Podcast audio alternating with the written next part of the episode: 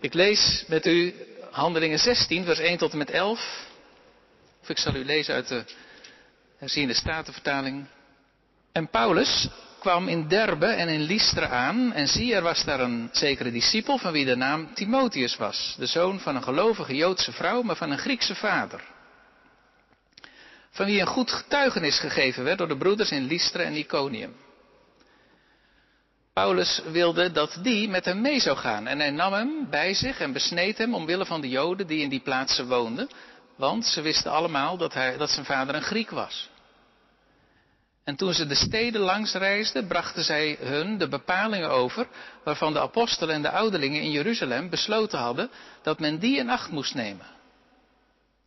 De gemeenten dan werden bevestigd in het geloof en namen dagelijks in aantal toe. En nadat zij door Frigië en het land van Galatië gereisd waren, werden zij door de Heilige Geest verhinderd het woord in Azië te spreken. En bij Mysië gekomen probeerden ze naar Bithynië te reizen, maar de geest liet het hun niet toe. En nadat zij Mysië voorbij gereisd waren, kwamen ze in Troas. En Paulus kreeg s'nachts een visioen te zien. Er stond een Macedonische man die hem dringend vroeg, kom over naar Macedonië en help ons. Toen hij nu dit visioen gezien had, probeerden we meteen naar Macedonië te reizen. Omdat we eruit opmaakten dat de Heer ons geroepen had aan hen het evangelie te verkondigen. Wij voeren dan van Troas weg en koersten recht op Samothrake aan en de volgende dag op Neapolis. Tot zover de lezing uit de Bijbel. Je bent een Gelukkig mens, zalig ben je als je de woorden van God hoort en ze bewaart in je hart. Halleluja. De centrale tekst vindt u in Handelingen 16, vers 9.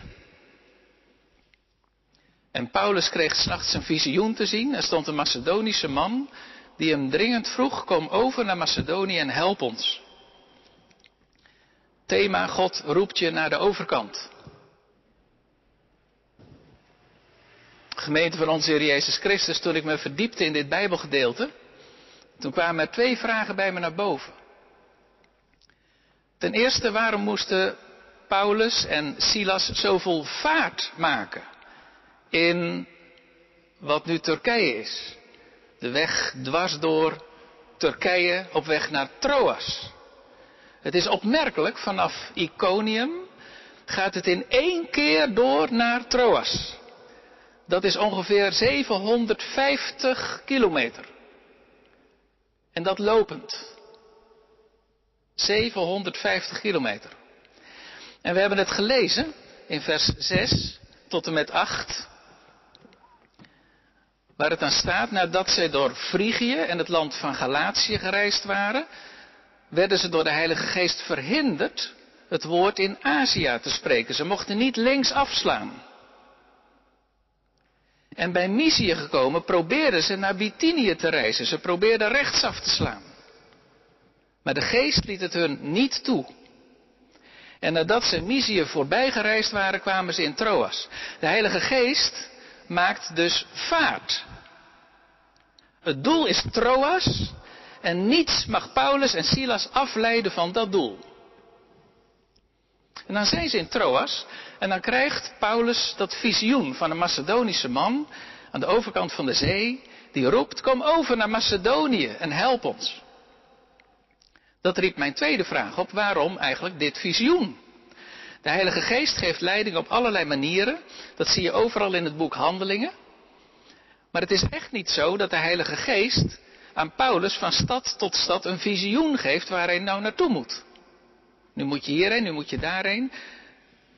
Maar hier wel. Zouden Paulus en Silas niet zelf op het idee hebben kunnen komen om over te steken? Of is er nog een andere reden voor dit visioen? Ik was daarmee bezig en dan, ben je gaan, dan ga je zoeken, je gaat spitten, dat doe je biddend. En ik kwam uit bij een heel bijzondere verklaring. Voor mij een enorme verrassing. Die wil ik graag met u gaan delen. Het is best een heel lang verhaal. Maar als ik dat heb gedaan, dan wil ik van daaruit drie lijnen trekken naar ons hier en nu. Die man in dat visioen, wat zegt hij eigenlijk? Ik moet zeggen, ik had altijd in mijn hoofd dat hij zei, kom over en help ons. Maar dat staat er niet. Er staat, kom over naar Macedonië en help ons. Dat triggerde mij, want die naam Macedonië was een paar jaar geleden vaak in het nieuws. Ik weet niet of u dat nog weet, maar er was een diplomatieke rel tussen Griekenland en Macedonië. Macedonië, dat landje wat een van de landen is ontstaan uit het voormalig Joegoslavië. Macedonië wilde toetreden tot de EU. Maar EU-lidstaat Griekenland verzette zich daar heftig tegen. Waarom? Vanwege die naam Macedonië. Griekenland zei, Macedonië is ons gebied. Noord, het noorden van ons land, dat is Macedonië. Jullie mogen dan nog wel de naam Noord-Macedonië gebruiken. Nou ja, dat is dan het uiteindelijk ook geworden. De Grieken kunnen daarmee leven, Noord-Macedonië. Waarom zo'n ruzie over die naam? Weet u waarom? Omdat de naam Macedonië verbonden is met een van de grootste wereldrijken in de geschiedenis. Het rijk van Alexander de Grote. In de vierde eeuw voor Christus. En dat speelt altijd ook nu nog. De Macedoniërs gloeien van trots tot de dag van vandaag op Alexander de Grote. Alexander de Grote was koning van Macedonië. Wij zeggen vaak het Griekse rijk van Alexander de Grote. Maar het was geen Grieks rijk, het was een Macedonisch rijk. Griekenland ligt ten zuiden van Macedonië. Alleen spraken de Macedoniërs wel Grieks. Vandaar dat het rijk van Alexander vaak het Griekse rijk werd genoemd. En wordt genoemd. Maar Alexander werd koning van Macedonië. Dat gebeurde in het jaar 337 voor Christus. Alexander was toen 19 jaar oud. En Alexander maakte de oversteek over de zee naar wat nu Turkije is. Hij trok op naar het oosten in een ongelooflijk tempo en hij versloeg alle volken die hij tegenkwam. Hij drong door tot ver in India en toen overleed Alexander, 33 jaar oud. Alexander de Groot is in de geschiedenis heel belangrijk. Niet alleen omdat hij een enorm gebied veroverde, maar ook omdat hij als eerste Oost en West met elkaar heeft verbonden. Tot de tijd van Alexander waren Oost en West, Azië en Europa eigenlijk twee gescheiden werelden. In het oosten, in Azië, daar had je de Assyriërs en de Babyloniërs en de Persen. Maar Alexander stak de, stak de zee over en verbond de wereld van het westen, van Europa, met die van het oosten, van Azië. En overal waar hij kwam nam hij de Griekse taal mee. En zonder dat hij dat wist, bouwde hij daarbij aan een situatie die vier eeuwen later enorm belangrijk was voor de doorwerking van het evangelie. Want de Griekse taal werd de wereldtaal. Het Nieuwe Testament werd in het Grieks geschreven. En het kwam zo de wereld over. En omdat Alexander Oost en West aan elkaar had verbonden, konden de Romeinen daar gebruik van maken. En in dat enorme Romeinse rijk konden de apostelen alle kanten op, zonder dat ze ergens een landsgrens tegenkwamen. Alexander heet dus niet voor niets Alexander de Grote. En nog steeds geldt, als je de naam Macedonië tegenkomt, dan kun je niet om Alexander heen. Die ruzie, die vier jaar geleden tot een oplossing kwam, ging dus voor een belangrijk deel over de roem van Alexander de Grote. Eigenlijk onvoorstelbaar, na al die eeuwen. Wie mag die roem dragen? Wie mag zich erfgenaam noemen van Alexander?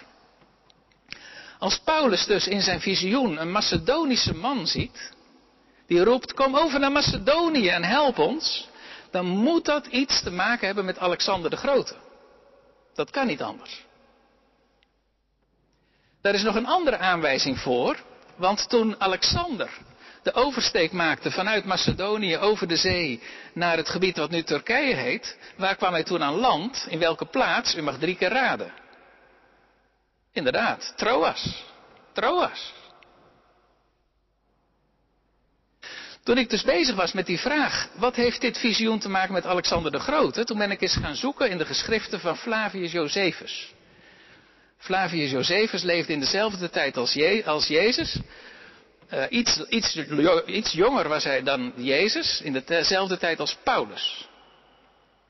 Hij was Jood, hij was zeker geen christen. En hij heeft een dik boek geschreven over de geschiedenis van het Joodse volk. En in dat boek schrijft hij ook over Alexander de Grote. Alexander die staat op het punt om Jeruzalem te veroveren. Tijdens die razendsnelle opmars door het Midden-Oosten komt hij bij Jeruzalem. En de Joden, de Joden hebben zich fel verzet tegen Alexander. Dus de generaals van Alexander, die verwachten dat de koning Alexander opdracht zal geven om Jeruzalem van de kaart te vegen. Helemaal te verwoesten. Wraak. Maar wat gebeurt er? De bevolking van Jeruzalem heeft ingezien dat Alexander de overwinnaar is. Dus iedereen trekt witte kleren aan, de poorten worden opengezet, de bevolking trekt naar buiten, Alexander tegemoet. En de hoge priester trekt zijn ambtsgewaad aan, prachtig blauw met goud, en hij gaat voorop. Als Alexander de Grote de Joodse hoge priester ziet, wat doet hij dan? Hij stapt naar voren en tot stomme verbazing van iedereen buigt hij in aanbidding neer voor de hoge priester van Israël. Een van zijn generaals loopt naar hem toe en zegt, koning waarom doet u dit? De Joden zijn een opstandig volk. En wat zegt Alexander? Ik buig niet voor deze man, ik buig voor de God van Israël. Want nu ik deze hoge priester zie, herinner ik mij een visioen.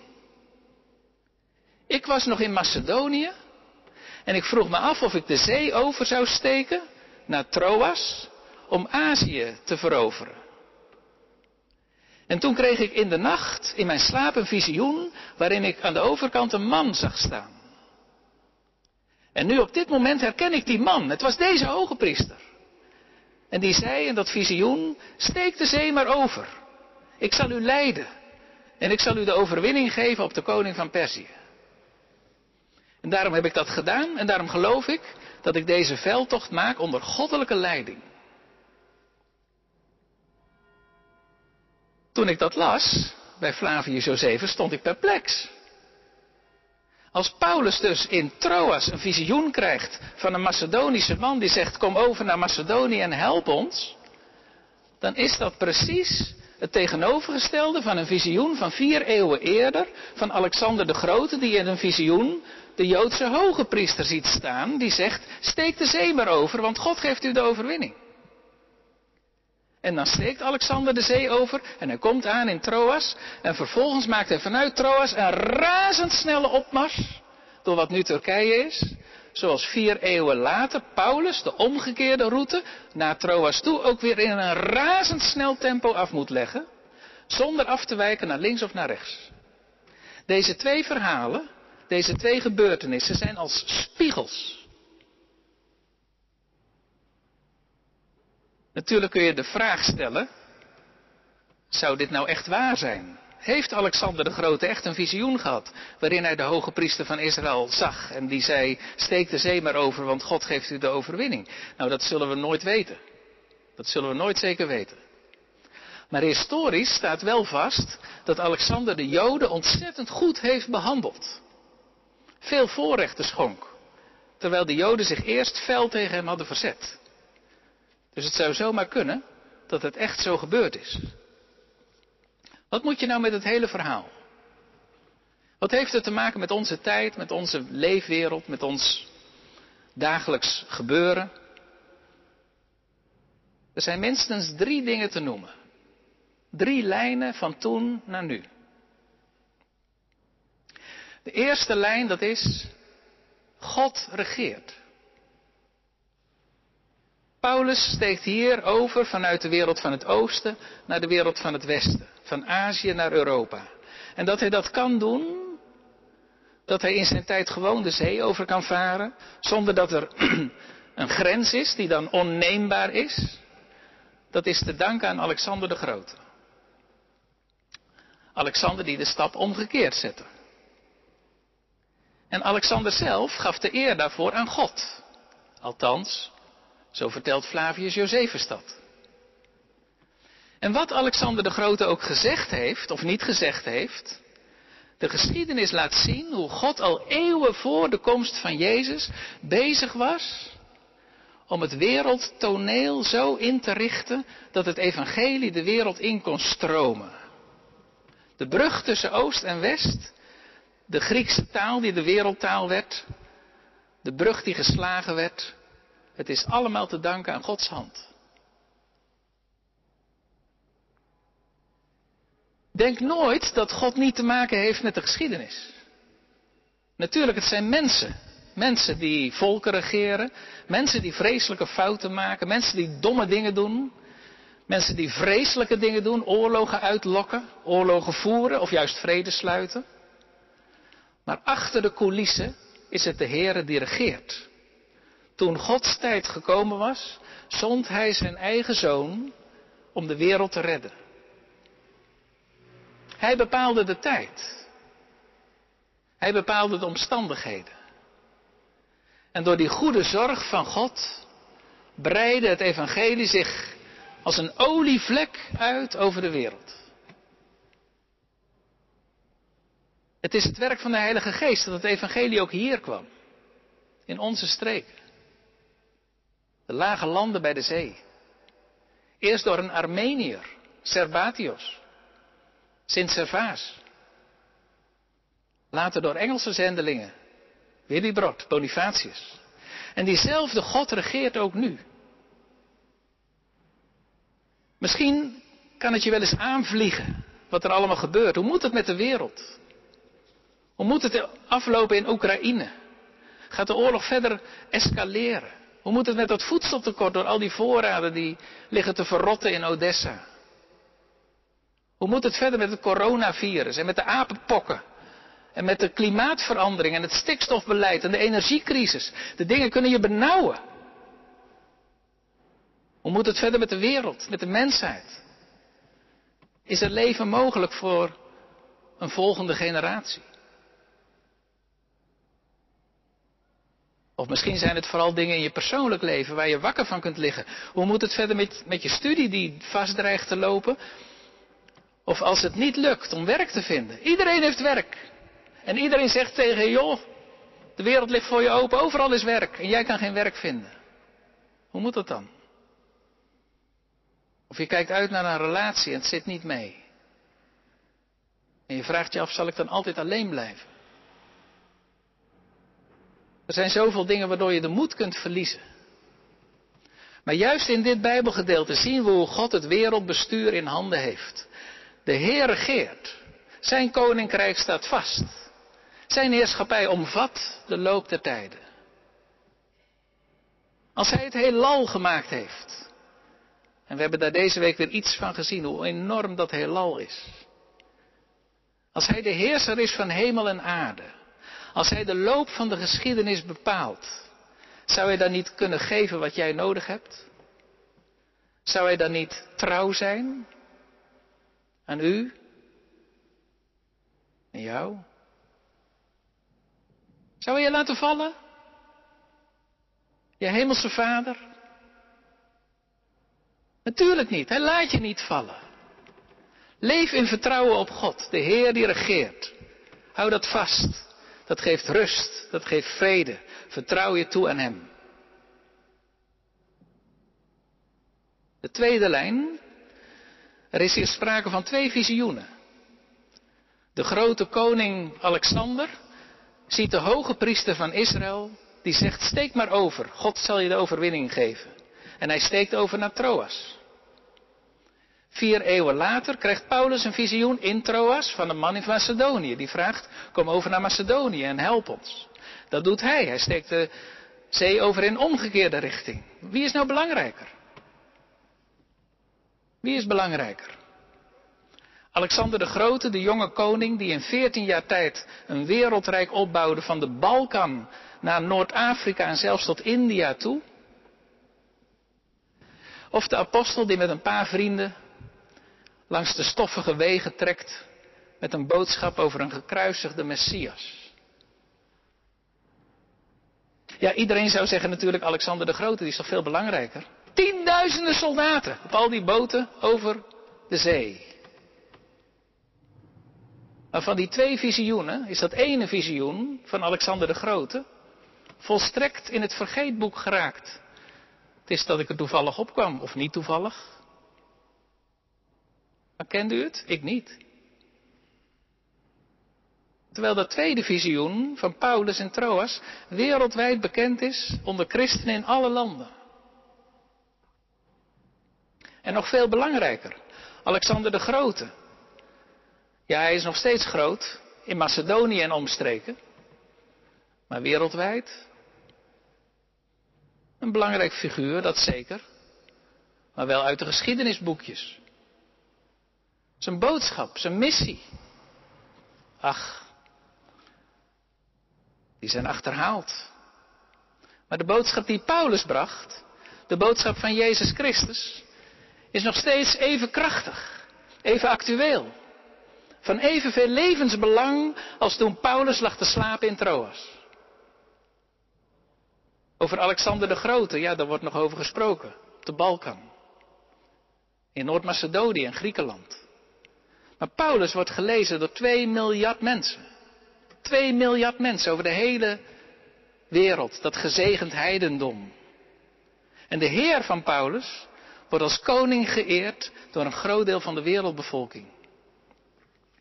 In dat visioen van Paulus staat die Macedonische man, lid van dat trotse volk, te smeken. Alsjeblieft, kom over naar Macedonië en help ons. Zo liggen de verhoudingen. En niet anders. Laat je niet imponeren door mensen met macht en met status. Laat je niet verleiden om de Heer Jezus te verloochenen. Omdat je daardoor in deze wereld een beter vooruitzicht hebt. Want uiteindelijk draait alles, maar dan ook alles, om de Heer Jezus en om Hem alleen. Ik herinner mij een verhaal van Chawigian. Chawigian was leidinggevende van de internationale studentenbeweging IFES, of IFES, International Fellowship of Evangelical Students, waar ik voor werkte. Op een dag reisde Chawigian naar Indonesië en hij zat in hetzelfde vliegtuig als een belangrijke ambassadeur van een wereldmacht. In Indonesië was de rode loper uitgelegd voor de ambassadeur. En de ambassadeur die mocht als eerste natuurlijk het vliegtuig verlaten. Iedereen moest verder wachten. En uh, hij werd officieel begroet. En daarna mochten de andere passagiers het vliegtuig uit. Ook over de rode loper. En Chawijan die dacht, de ambassadeur komt hier namens een belangrijke regering. Logisch, die rode loper. Maar ik kom namens de koning der koningen. De koning van hemel en aarde. Hij is nog veel belangrijker dan welke regering ook. Houd dat voor ogen. Laat je nooit inpakken of imponeren. Je geloof in Jezus Christus is het allerbelangrijkste in je leven. Laat dat nooit versloffen, nooit. En kijk uit dat niemand de kroon van je hoofd steelt. Laat niemand je de kroon ontnemen. Wees een moedig mens in de naam van Jezus. Blijf Hem volgen door dik en dun. Je hoort bij Jezus Christus. Hij is alleen al onze eer waard. Dat is het tweede. Dus we hebben twee lijnen gehad. God geeft, God regeert, dat geeft ons rust. De Heer Jezus is belangrijker dan wie ook, dat geeft ons moed. En de derde lijn is een vraag. Wat is nou eigenlijk jouw Macedonië? Wat is uw Macedonië? En die derde vraag geeft openheid. Openheid. Een open houding naar God. Paulus en Silas steken over naar Macedonië. En Lucas gaat trouwens zelf ook mee. Dat is wel mooi om dat even op te merken. Steeds is het zij, zij deden dit en zij deden dat. Zij kwamen bij Mysië en Bithynië en zo. En dan staat er eh, in vers 10, toen hij nu dit visioen had gehad, Paulus, probeerden wij meteen naar Macedonië te reizen, omdat wij eruit opmaakten dat de Heer ons geroepen had aan hen het evangelie te verkondigen. Dus die stap van Paulus om de zee over te steken is ook aanstekelijk. Lucas sluit zich aan. Goede stappen. Goede stappen zijn altijd aanstekelijk. Sta je open voor de tekenen die God je geeft? Of ga je als een blind paard verder in het leven? En wat is uw, wat is jouw Macedonië? Als God je roept naar de overkant, wat is dan jouw overkant? Misschien zijn het wel letterlijk de overburen, de mensen aan de overkant. Zou dat kunnen? We wonen allemaal in verschillende situaties natuurlijk. Maar hoe is het eigenlijk in je straat? Kennen jullie elkaar? Kent u elkaar? Of is het misschien mogelijk om eens wat lijntjes uit te leggen naar buren aan de overkant? Of misschien aan dezelfde kant? Of iemand in het portiek aan de overkant? Misschien is jouw Macedonië wel een ander land. Het is altijd goed om je dat eh, af te vragen. Word ik geroepen naar het buitenland? Word je geroepen naar het buitenland? Overweeg dat is biddend. En als je niet geroepen wordt naar het buitenland, dan word je dus geroepen in Nederland. En dat is wat anders dan dat je toevallig nou eenmaal in Nederland bent opgegroeid en daarom toevallig nou eenmaal in Nederland woont. Als je niet geroepen bent in het buitenland, ben je geroepen in Nederland. Misschien roept God je naar een andere baan. Misschien roept God je om een eigen zaak te beginnen. Of misschien om je huidige baan juist te beperken of op te geven. Paulus had er een visioen voor nodig om naar de overkant te varen. Zo kan het ook in ons leven zijn. zo kunnen er dingen zijn die wij nooit zouden doen, waar we echt een hele belangrijke, duidelijke aanwijzing van God voor nodig hebben. Wat wil God? Nou, dat is de vraag. Maar God wijst vooral zijn weg via de Bijbel. Zijn woord is een lamp voor onze voet en een licht op ons pad. Soms is het ook veel minder moeilijk dan je zou denken. Stel je open voor de Heilige Geest. En volg de Heer Jezus. Misschien vliegt er in jouw leven ook wel een duif rond, net als in de kerk. Die opeens zomaar de weg wijst. Let op de Heilige Geest. Let op het koeren van de duif. Drie lijnen die te maken hebben met rust, met moed en met openheid. God regeert, dat geeft rust. Vertrouwen. Jezus is belangrijker dan wie ook. Jouw geloof in Hem, daar draait alles om in het leven. Dat geeft moed. En ten derde, de vraag, wat is jouw Macedonië? En die vraag roept op tot openheid. Openheid voor God.